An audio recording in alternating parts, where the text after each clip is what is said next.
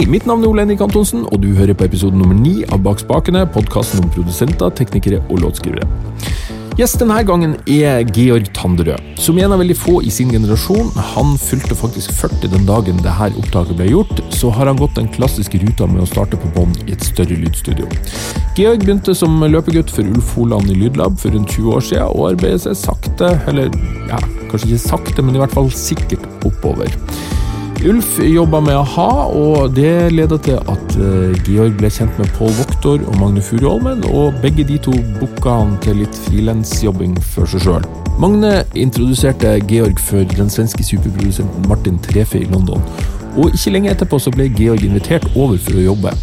Snart så befant han seg i storbyen på permanent basis, og fikk jobbe på en rekke innspillinger med artister som f.eks. James Morrison, Cat Stevens eller Yusuf Islam, som han kaller seg i dag, Travis, Ron Sexsmith og mange, mange andre. Det er likevel rart med det. Etter noen år i London så lengta Georg hjem. Og de siste ti årene så har store deler av norsk musikkbransje fått gleden av å jobbe med han. Først som miksetekniker, og i det siste som masteringstekniker. Alt dette skal du snart få høre mye, mye mer om, men uh, først så tenkte jeg å minne deg på om at Bakspakene har en Facebook-side og en Instagram-konto. Gå inn og lik oss der, så er det flere som får høre det glade budskap. Og så har vår gode samarbeidspartner Benum noen ord de skal ha sagt før vi setter i gang.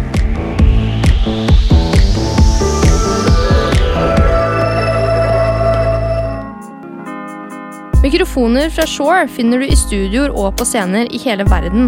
Men Shore er mye mer enn SM57 og SM58. Headset og ørepropper, ribbon og kondensatormikrofoner, in-air og trådløst. Se hele utvalget fra Shore og få de beste prisene på benum.no skråstrekk bak spakene. Benum, norsk distributør av lyd- og musikkutstyr. Georg Tandrø, velkommen til Bak spakene. Takk skal du ha. På din bursdag, til og med. Ja, du setter veldig pris på at du velger å feire dagen din på en så god måte. Og kjøpe presang til deg sjøl, eller var det hemmelig? Eh, nei da, det var ikke hemmelig. Den, den er i hvert fall på prøve. Ja, ok. en dyr uh, dakk. En dyr dakk. Du har, uh, har et par uh, dakker. Ja, det er nok konvertere. Er viktig for deg? Ja, jeg er litt sånn nerd på det, altså. Ja. Du, eh, vi sitter her i et veldig fint rom eh, der du har vært ei stund, ikke så veldig lenge. Forrige gang jeg møtte deg, så var du i, nede i living room. Nå har du flytta til Oslo øst, eller ja, nord. Mm, det stemmer. På Rosenhoff. Ja. I gammel Peppers Pizza-lokale. Norges andre Peppers Pizza var akkurat der vi sitter nå. Det er lite som tyder på det. det jeg syns det er finere her nå. Det er et svært, svært rom som er luftig og flott, og fullt med ikke så veldig mye stæsj.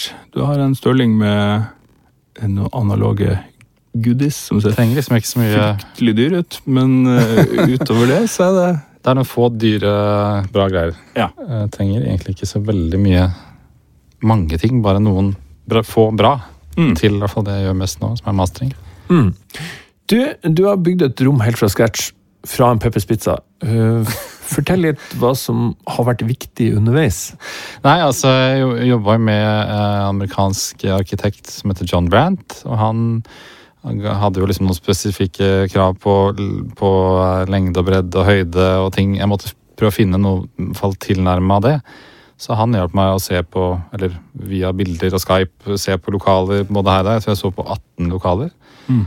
Og det var bare nei, nei, no, no, no hele veien. Og så fikk jeg tips om det lokalet her. Uh, han gårdeieren Jeg så egentlig på et annet lokale oppe i bygget her hvor det er masse andre studioer. Og så var det, egna det seg ikke så godt. Og så sa han, uh, han gårdeieren kan du komme og se på ett lokal til. Så sa jeg ja, hvor er det? Nei, ikke, det sier jeg ikke, du må komme og se på det.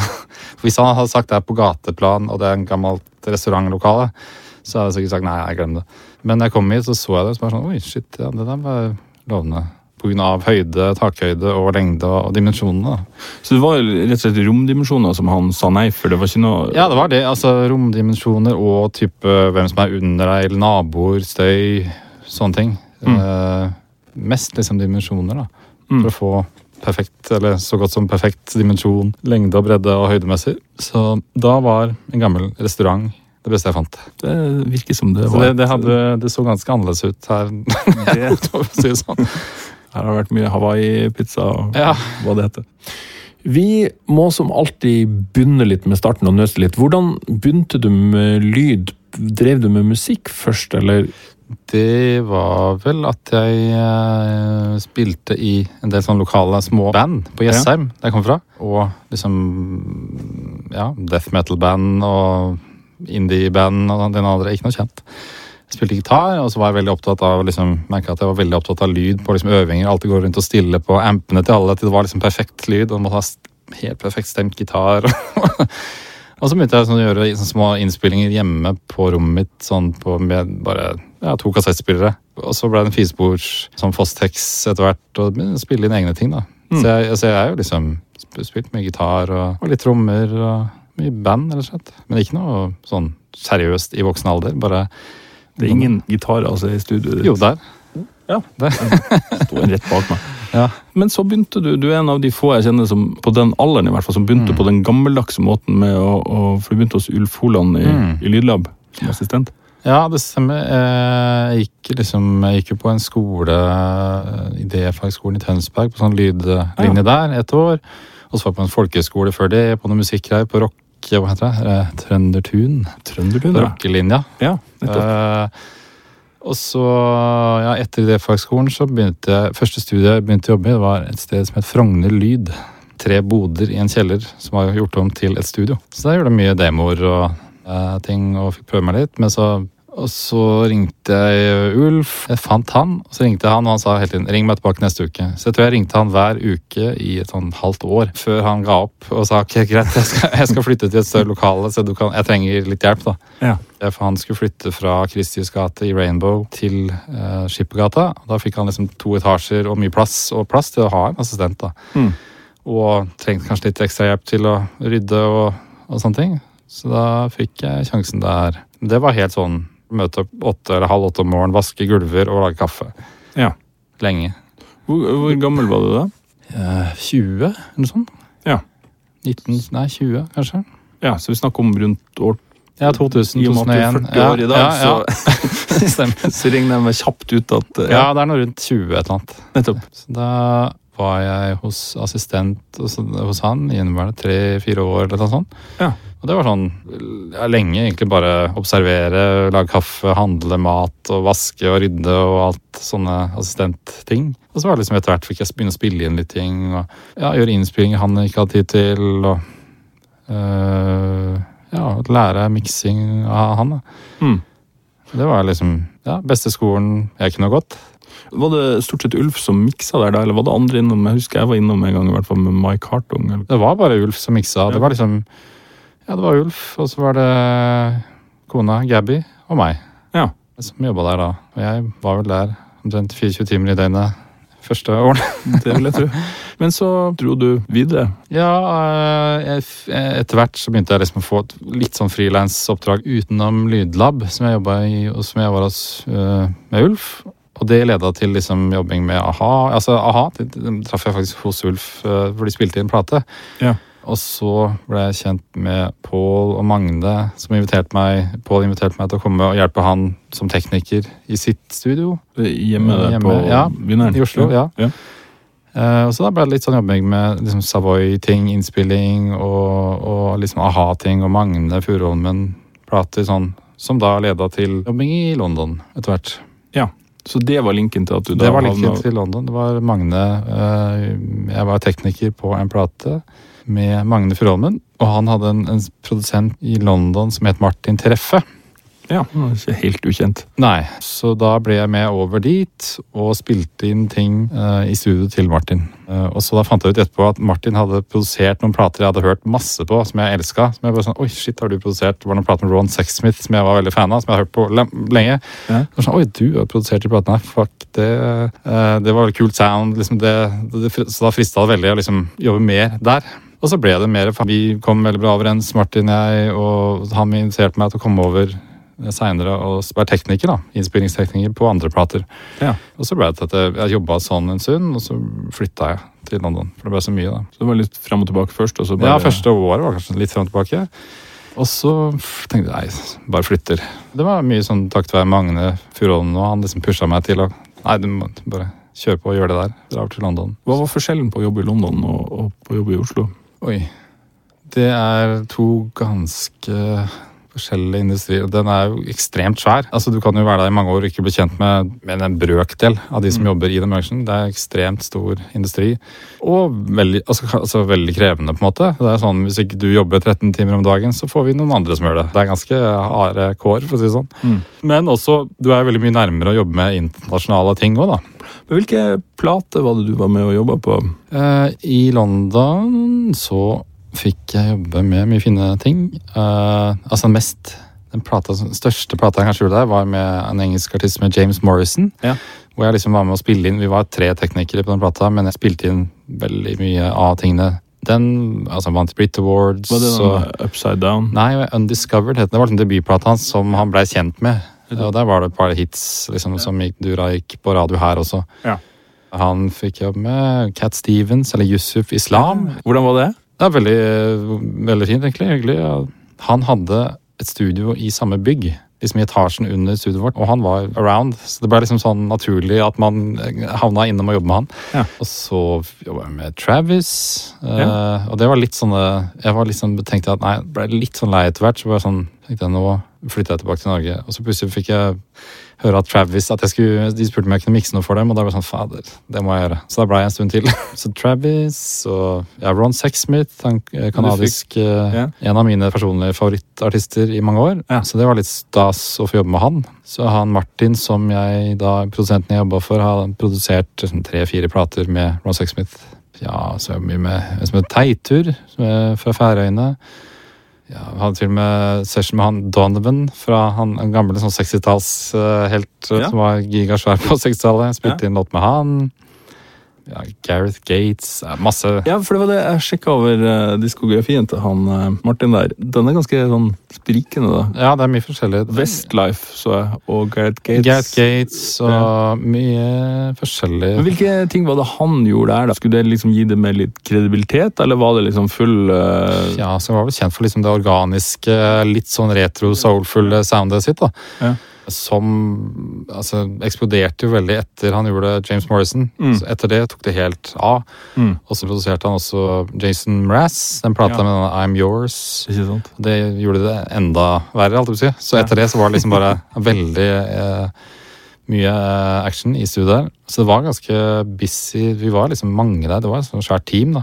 Og med masse forskjellige studioer. Jeg starta der som innspillingstekniker, og så fikk jeg etter hvert, for jeg jobba med en artist som het Teitur. Så var det en plate jeg spilte inn med han, og så var det liksom snakk om at det skal vel Michael Brower mikse antageligvis. Men så gjorde jeg noen røff mikser, og han Teitur bare Ja, men det låter jo veldig bra, for kan ikke jeg mikse det? Ja. Så det var liksom første shoten jeg fikk på miksing der, da. Ja. Og jeg bare «Øh, Jo, det kan jeg vel? Ja. Og så bare Ja, hvor skal jeg gjøre det? Nei, bare velg et studio. Så jeg bare, jeg bare googla liksom, og så Air Studio. Det så, det bare, er, det, er det mulig? Ja, da gjør vi det. Ja. Og det er liksom beste studio i London. Og en gammel vintage 70-kanals Niv eh, som spilte inn x antall klassiske plater på. Det, det var liksom stas. ja, det skjønner jeg. Det var liksom starten på miksing eh, der borte. da. Så hadde jeg miksa en del før, eh, før jeg flytta til London også. Men da etter det så begynte jeg å gjøre mer og mer miksing for Martin. Så da bygde han et eget mikserom til meg da, i, Ja. i komplekset. Hvor han kjøpte en, en vintage eh, API-desk. Hotelkanals API. eh, Som har vært brukt eh, til noe Disney eh, soundtrack score eh, recording i USA et eller annet sted. Det låt veldig kult. Så da satt jeg der og miksa. Enten så, hvis det var liksom sånn, Jeg miksa veldig mye for den. Hvis labelen ville ha et veldig mye større navn, så ble det liksom Michael Brower eller Tony Maserati. Men hvis ikke det var eh, så viktig, så kunne jeg gjøre det. Så jeg fikk en del sånne miksecredits sånn på noen plater hvor det står som 'Mixed by Michael Brower', Georg Tandre og, og Tony Maserati. er sært å være midt mellom. Godt selskap, det. Ja, det er ikke så verst. Jeg så en kar, et navn på lista som heter Jamie Scott. Var du med å gjøre ja, ja, jeg miksa plate for Jamie Scott and, hva heter det, and The Town, som Martin produserte. Jeg har skrevet med han, skjønner du. Har du det? Ja, og han var jo han var suksessfull, men ikke sånn superkjent. Eh, Men i ettertid så har han skrevet bortimot alle sangene til One Direction. Ha, nei, det visste jeg ikke. Nei. Ja, det var liksom, altså, det var, det, I det studioet så var det en del sånn eh, folk innom som seinere har blitt jævlig svære. Sånn, for eksempel Rita Ora, som nå er Ja, gigakjent. Hun var en sånn ung jente på 17 som hang rundt studio som litt sånn som Martin drev og utvikla litt og jobba Ja. litt med og, i flere år. Så hun så jeg daglig, og nå er hun liksom største popstjerna i England. Det er litt sært. Ja. Ja, nei, han, Jamie også, det, det er ikke noe sjokk at det gikk bra. Han var supertalentfull, Mm. men allikevel, det med å gjøre det. Faktisk gjøre det. Altså. Jeg visste ikke at han har eh, gjort det. nei. Huh. Men eh, du dro hjem etter hvert. Hvorfor det? Mm, jeg var litt sånn lei av London. Det var liksom litt for sånn rotterace, liksom. Det er så utrolig svær by. Og var bare jobbing. Jobba liksom 13 timer om dagen omtrent. Og ble litt sånn overarbeida, litt lei, rett og slett. Så jeg tenkte sånn, ok, om jeg jobber med Travis eller en norsk artist, jeg faen. Jeg orka ikke. Men jeg følte liksom at jeg hadde fått opplevd det, og det hadde fått jobba med mye fint og lært masse, og at eh, jeg hadde lyst til å dra hjem til liksom familie og venner. For det var litt sånn, altså, det er en svær by, så du kan, du kan liksom bli litt sånn lonely. eh, Mm. Og så var jeg stort sett bare satt jeg lenka til et miksebord i 13 timer. om dagen. Det miksestudioet du hadde sånn utover den API-konsollen, hvordan var det rigga ellers? Det var liksom basert Vi jobba med noe som het Sound, vet hva heter Soundscape. Sånn Ja, DAW. sånn harddisk. Ja, ja, som, som eh, Martin liksom likte best å bruke, fordi det låt, altså converterne til Soundscape hadde et visst sound. da. Så vi brukte det, og så var det liksom masse outboard-ting. eh, Typisk den klassiske 1176-er og Du miksa med outboard og Det var fullt. Det var helt analogt på et bord. Med flying faders, atmosfasjon og mye analoge ja, fjærklanger og plateklang og masse outboard. Mm. Så det var uh, litt sånn old school måte å mikse på. Og det er på en måte sånn jeg lærte miksing hos Ulf, også på en måte på en SSL med masse outboard, masse kanaler. Så jeg har på en måte, det er sånn jeg starta med miksing og, og lærte miksing. Det var på en måte på et analogt stort bord med Mm. mye kabler og duppedingser og stæsj. Ikke så mye Pro Tools. eller- Nei, nei det, var, altså, det var jo Pro Tools, men vi Ja. brukte jo, altså, det var jo, når jeg når jeg begynte, det var jo Jeg, husker liksom eneste plugins hva var jeg hadde. liksom Det der Mac DSP Filter Bank, liksom sånn, noe Ja. sånt, og de stokk DigiDesign-pluggene som ikke var så veldig bra. Man brukte jo nesten ikke noen plugins. For det var liksom Å mikse in the box når jeg begynte, det var jo Det var ikke så veldig bra. Det låt jo ikke sånn kjempebra akkurat. Det var noen år seinere før det faktisk begynte å låte bra av plugins og Mm. og interne mix-buss-summeringer. Det var ikke mange som miksa in the box i 2000. Nei. Det var kanskje sånn litt mer midt på 2000-tallet, eller 2005. Jeg vet ikke når det tok Jeg av. tror, jeg tror den første sånn offisielle som toppa Billboard, det var Jeg skal si, Ricky Martin. Ja, ikke sant? Eller det var iallfall det de sa da. Ja, det husker jeg. Det var liksom sånn det, at jeg hørte at den har blitt miksa in the box. Ja, Liksom sånn, Det tror jeg var 1998. Med han Ja. der Hva heter han, da? Charles Dye. Tror jeg han Mm. han som miksa. Men da var det jo sånn at de fleste miksa på svære bord, SSL-bord. Alle seriøse miksere hadde en svær SSL, liksom. Mm. Nå sitter jo alle de største mikserne, altså Serban Ganea og den ene Mm. andre, så sitter jo og mikser in the box. Ja, de gjør det. Til selv liksom Michael Brower også, sånn delvis altså er sånn hybrid, mye in the box med masse Mm. hardware inserts. Så, så det er jo sånn jeg, hvis jeg mikser nå, så er det jo helt in the box med liksom bare en analog eh, mixbus Mm. og én outboard-klang. En prikkaster. ja, en kaster. som du styrer fra en plug-in. Ja. Som er som en plug-in. En, en, en dyr plug-in. Plug-out. Men den, akkurat den syns jeg eh, liksom eh, Jeg har ikke hørt noen klang-plugin som har vært like bra som den enda. Så jeg har testa mye, men jeg har ennå ikke hørt noe som matcher den helt. Så den er liksom eneste av sånn outboard-ting, bortsett fra mixbussen, som jeg bruker av eksterne greier. Mm. Benum er norsk distributør av studio- og musikkutstyr fra bl.a. Shore, Universal Audio og Genelec. Bli pro-kunde og få muligheten til å handle med de beste prisene på bl.a. lydkort, mikrofoner og kabler fra noen av verdens mest anerkjente merkevarer. Se benum.no – bak spakene for mer informasjon. Benum norsk distributør av lyd- og musikkutstyr. Når du kom hjem fra London, hva gjorde du da? Hva gjorde jeg da? Da flytta jeg sammen med Frode Jacobsen, bassisten i Madrugada, inn i studioet hans. Eh, Malabar, nede i Brenneriveien. Ja.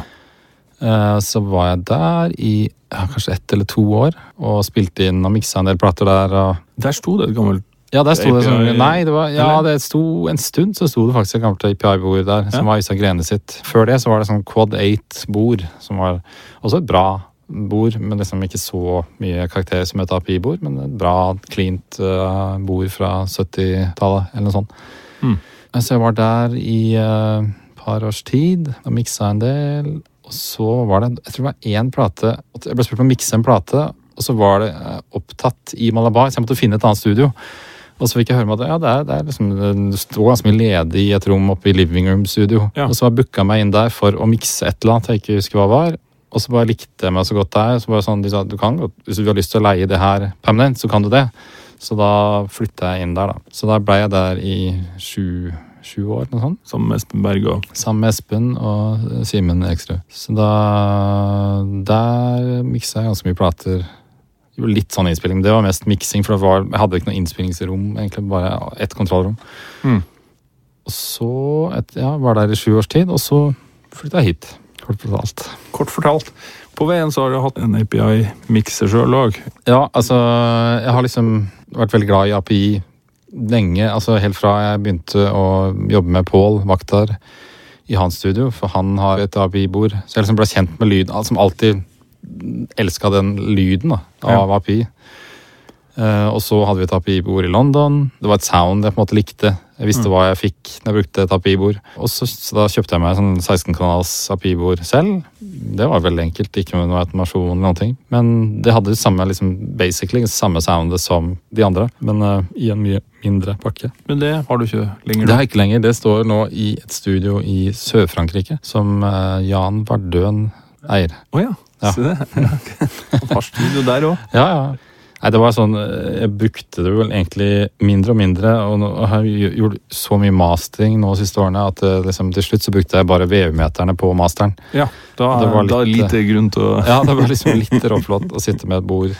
Ja, for du bruker ingenting. Du har uh, lytting eh, via andre Ja. Ja, nå har jeg bare har lytting via en, en, en DAC og, Ja. og en passiv uh, monitor, uh, en attenuator, eller sånn ja, switch, eller hva man kaller det. Nå er det mastring som gjelder. Ja, nå er det liksom eh, Nå er det 99,9% mastering. Jeg liksom begynte i det små liksom for noen år siden, og så ble det bare mer og mer og mer. Og mer, og mer, og nå har det blitt som Mens du satt nede i living room? Ja, mens jeg satt der, Inneblant miksing og sånn, så var det liksom litt mastering. eh, Og så, og så har det liksom bare blitt mer og mer. Til slutt så ble jeg sånn Ok, jeg har ikke tid til å mikse. Nå må man på en måte prioritere å ja, mastere. For jeg har hatt lyst til det. på en måte. Det er veldig mye med mastering som appellerer til meg. liksom sånn veldig ordenssans. Du må ha, du må, også må du være ganske nerd på små detaljer. Mm. På konvertere og kabler og ditter og Ja, ikke at det er så veldig spennende, men uh, så passer det liksom livsstilen min Det går veldig fort. ja, det er liksom fortere. Du, du, du kan liksom Altså, Mikse en plate er liksom en sånn Det er, det er en ganske stor jobb. Ja. Det kan ta flere uker. Mens Ja. en master en plate, det tar en dag, dag eller annen, et eller annet sånt. Mm. Uh, så går mye fortere. Man får liksom jobba med musikk mens man fortsatt er inspirert i å høre på det. Og så får du liksom Når du har pika, på en måte, når du er fornøyd, så bare sender du det fra deg. Og forhåpentligvis så, er, så liker folk det. Jeg miksa en låt i dag og i går. Ja. Og det er første låt jeg har miksa nå på en god stund. da. Så jeg har, i år har jeg miksa kanskje bare én plate. eller sånn. Og det, er- det er liksom litt selvvalgt, egentlig. Men jeg, jeg kommer til å mikse liksom innimellom en låt her eller der. Men det er sånn mas, prioriterer på en måte masing. da. Ja. Får du noe annet perspektiv på miksing når du har mastra så mye som du har gjort nå, eller? Nei, kanskje hele andre veien. At jeg får liksom eh, det, det hjelper å ha miksa mye når man skal mastre. Eller egentlig hjelper litt begge veier. Når, man, Ja. når jeg da først sitter og mikser, så, så vet jeg liksom uh, litt mer om hva jeg kommer til å gjøre hvis jeg skal mastre det selv seinere. Eller altså, hvis jeg mikser nå, så, så er det på en måte en kombinert prosess hvor jeg nesten basically mikser og master samtidig. Hvis de spør om jeg kan mastre i tillegg, som jeg på en måte ikke foretrekker hvis jeg mikser en låt, vil jeg helst egentlig at noen andre gjør det, for da er jeg på en måte ferdig med den, og da er det bedre at noen andre kan høre på den med fresh. Ja. Men hvis det hender at folk sier nei, men jeg vil ikke at det skal låte annerledes, vil bare at du skal gjøre det, da gjør jeg dem da. Da bare lar jeg det ligge noen dager, så hører jeg på det igjen. Og da gjør jeg bare kanskje mikroskopisk små ting in Ja. the box med en plug-in EQ. Hvor høyt eh, nivåmessig mikser du? Det er en, andre, det er en del andre folk som jeg kjenner i hvert fall før, da, som, som Mm. gjorde både og. De Mm. la liksom sånn veldig lavt nivå for å, for å gi masse headroom og sånn, men det virker som trenden i dag at alle de store mikserne sånn, så, så sier man jo da at du hører jo ingen forskjell på lyttemiksen og det som kommer fra Stirling Sound. altså Det er, det er, det er bare Nei, altså det gjør ikke Jeg sender jo alltid fra meg en, en lyttekopi av miksen med litt limitering, så den, er, ikke er lav. på en måte. Men så det, så det er stort sett ikke så veldig stor forskjell på det de får tilbake hvis jeg har mastra det senere, så er det liksom samme nivå. Så jeg, men jeg kan jo ta det ned, for har, det er bare plug-in, så det er bare å bypasse limiteren. Så jeg har det på en måte noe som har et mye mer sånn healthy, analogt uh, RMS-nivå. Eller jeg kjører ganske sånn normalt. Uh, jeg har på en måte VU-metere som jeg sitter og ser på, så jeg ligger jo liksom rundt uh, null. Jeg har kalibrert det sånn at jeg liksom, hvis jeg er rundt null pluss tre på den, så jeg på en måte får jeg bra headroom i AD-konverteren min. Mm. Så jeg, på en måte, så jeg har Du har så god konverter, du, du kan pushe mer enn de dødelige. Altså, De tåler iallfall, det er veldig bra. Ja. De tåler å, å, pushes litt. Men jeg gjør, ikke, jeg gjør egentlig ikke det så veldig sånn uh, Å klippe konverterne, det, det, prøver jeg liksom å unngå. Også i mastering. Eller hvis man må ha det veldig loud av en eller annen grunn, så gjør jeg det heller med et par plugins. Også en kombinasjon av EQ, selvfølgelig. At man perceived loudness med liksom EQ og, og kanskje noe eller soft clipping og, og en limiter. Selve mikseprosessen, hvis du starter på en, en hvilken som helst miks, hvordan angriper du det? Uh, første jeg gjør, er liksom å høre på en råmiks. Det er liksom bare, bare få liksom en gut feeling av Bare høre på den og få gjøre seg opp et bilde av hva kan jeg forbedre, eller hva er det å liksom beholde her av liksom musikalsk uh, feeling. Og det gjør jeg. Hører på råmiksen, og så er det liksom Si, jeg mikser veldig sånn enkelt. Jeg har ikke så veldig mye templates. Og, altså jeg, har, jeg, har, en template hvor jeg importerer hvor det er en del klanger og delayer og, og ting, men det er ikke så veldig sånn der, sånn, mm. hold, Jeg liker å holde, holde enkelt. da. Det er ikke veldig mye EQ og, og smale tweaks. Det er ganske sånn broad uh, Jeg liker at ting låter ganske naturlig, da. Ofte. Mm. Og da er liksom Desto mindre du skrur, på en måte. Desto mer naturlig og effortless låter det. Og desto mer jobber med automasjon. Mye automasjon på ting og klang og, og rom. Jeg snakka med deg for jeg vet ikke hvor lenge det er siden, et par-tre år siden mm. i musikkpraksis, der du sa en ting som jeg tenkte var veldig bra, eh, i forhold til at når du starter på en miks, så har du ikke så veldig lang tid før ørene dine er sliten. Så du må jobbe fort. Mm. i forhold til, altså Du har ikke så veldig den der sweet spoten der du mm. virkelig kan forme det før det liksom Nei, sant det. er liksom, du har, jeg ser, Når jeg mikser, så har jeg liksom noen tre-fire gode timer, på en måte. Hvor jeg liksom, hvis, hvis, det er et eller annet element, hvis f.eks. vokalen er veldig dårlig spilt inn, så man liksom sitter og jobber og sliter med den i fem timer, da, da må jeg komme tilbake dagen etterpå og gå inn med friske, frisk, frisk energi. Ja. Men liksom, hvis ting låter bra, og man kan få det opp og liksom gå i løpet av en to-tre timer, så er det liksom Iallfall sånn i store drag, da. Kan man heller liksom sende av gårde noe ganske kjapt som man føler at som føles uh, riktig, føles exciting, intuitivt. Jeg synes, altså Desto lenger jeg jobber, desto verre blir det så ofte. Veldig betryggende. jeg husker Han jeg jobba for i London, Martin, han, sånn, han kom gjerne ned uh, i studioet til tre timer og så bare 'Ja, bare på miksen.' Jeg bare 'Ja, men jeg er ikke ferdig'. Hæ? Ikke ferdig? Så bare, Slutt å tenke! Bare gjør! Ja. Så, så, det er liksom Hvor lang tid brukte du typisk på en miks på den tida der? Ja, det fikk jo ikke så mye mer enn tre timers tid. Ja, han kom inn og bare 'Få høre.' Ja, men jeg er ikke ferdig. Og så bare 'Jo, få høre.' Og så bare 'Å, kjempebra! Skru opp vokalen. Ferdig.' Eller eh, noen sånne små, enkle Eller, sånne, ja. Eh, eller bare sånn Det låter helt for jævlig. Ja, det var enten eller. Det var liksom så Enten så var det bra, og bare kanskje noen små tweaks, eller bare det er helt for jævlig. Du må gjøre på nytt. Ja. Man bygger Han så de store linjene. Ja, store trekk. Ja. Store og det er litt sånn jeg jobber selv. Og det, det, da, det, passer ganske bra med mastering også. Man må se this big picture, ikke mm. zoome mm. altfor langt inn på detaljer. Så man kan jo gå inn på mikroting i mastering også, men det er, liksom, det er litt mer sånn big picture-tenking. Og det, det liker jeg. Mm. Så jeg liker liksom ikke å jobbe altfor lenge med et prosjekt, på en måte. Sånn, og Derfor er mastering veldig bra, for du blir ferdig ganske kjapt. for Du, har liksom, ja, du, du blir ikke lei. da. Uh, mens miksing kan jo liksom Det kan ta tid. da. Men jeg syns liksom ja, de tingene jeg liksom liker best selv uh, å høre på seinere, er kanskje ting jeg jobba ganske kjapt med. egentlig, Både på miksing og mastering. Mm.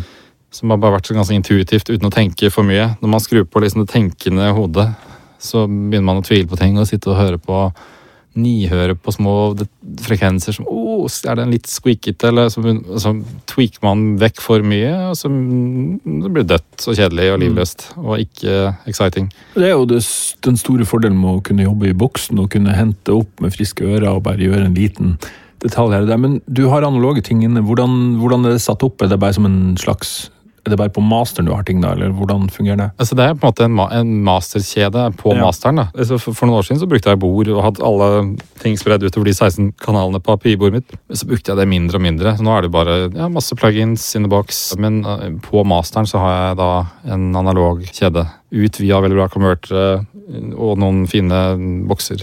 Som er, hemmelig, som er hemmelig? Nei, det er ikke hemmelig.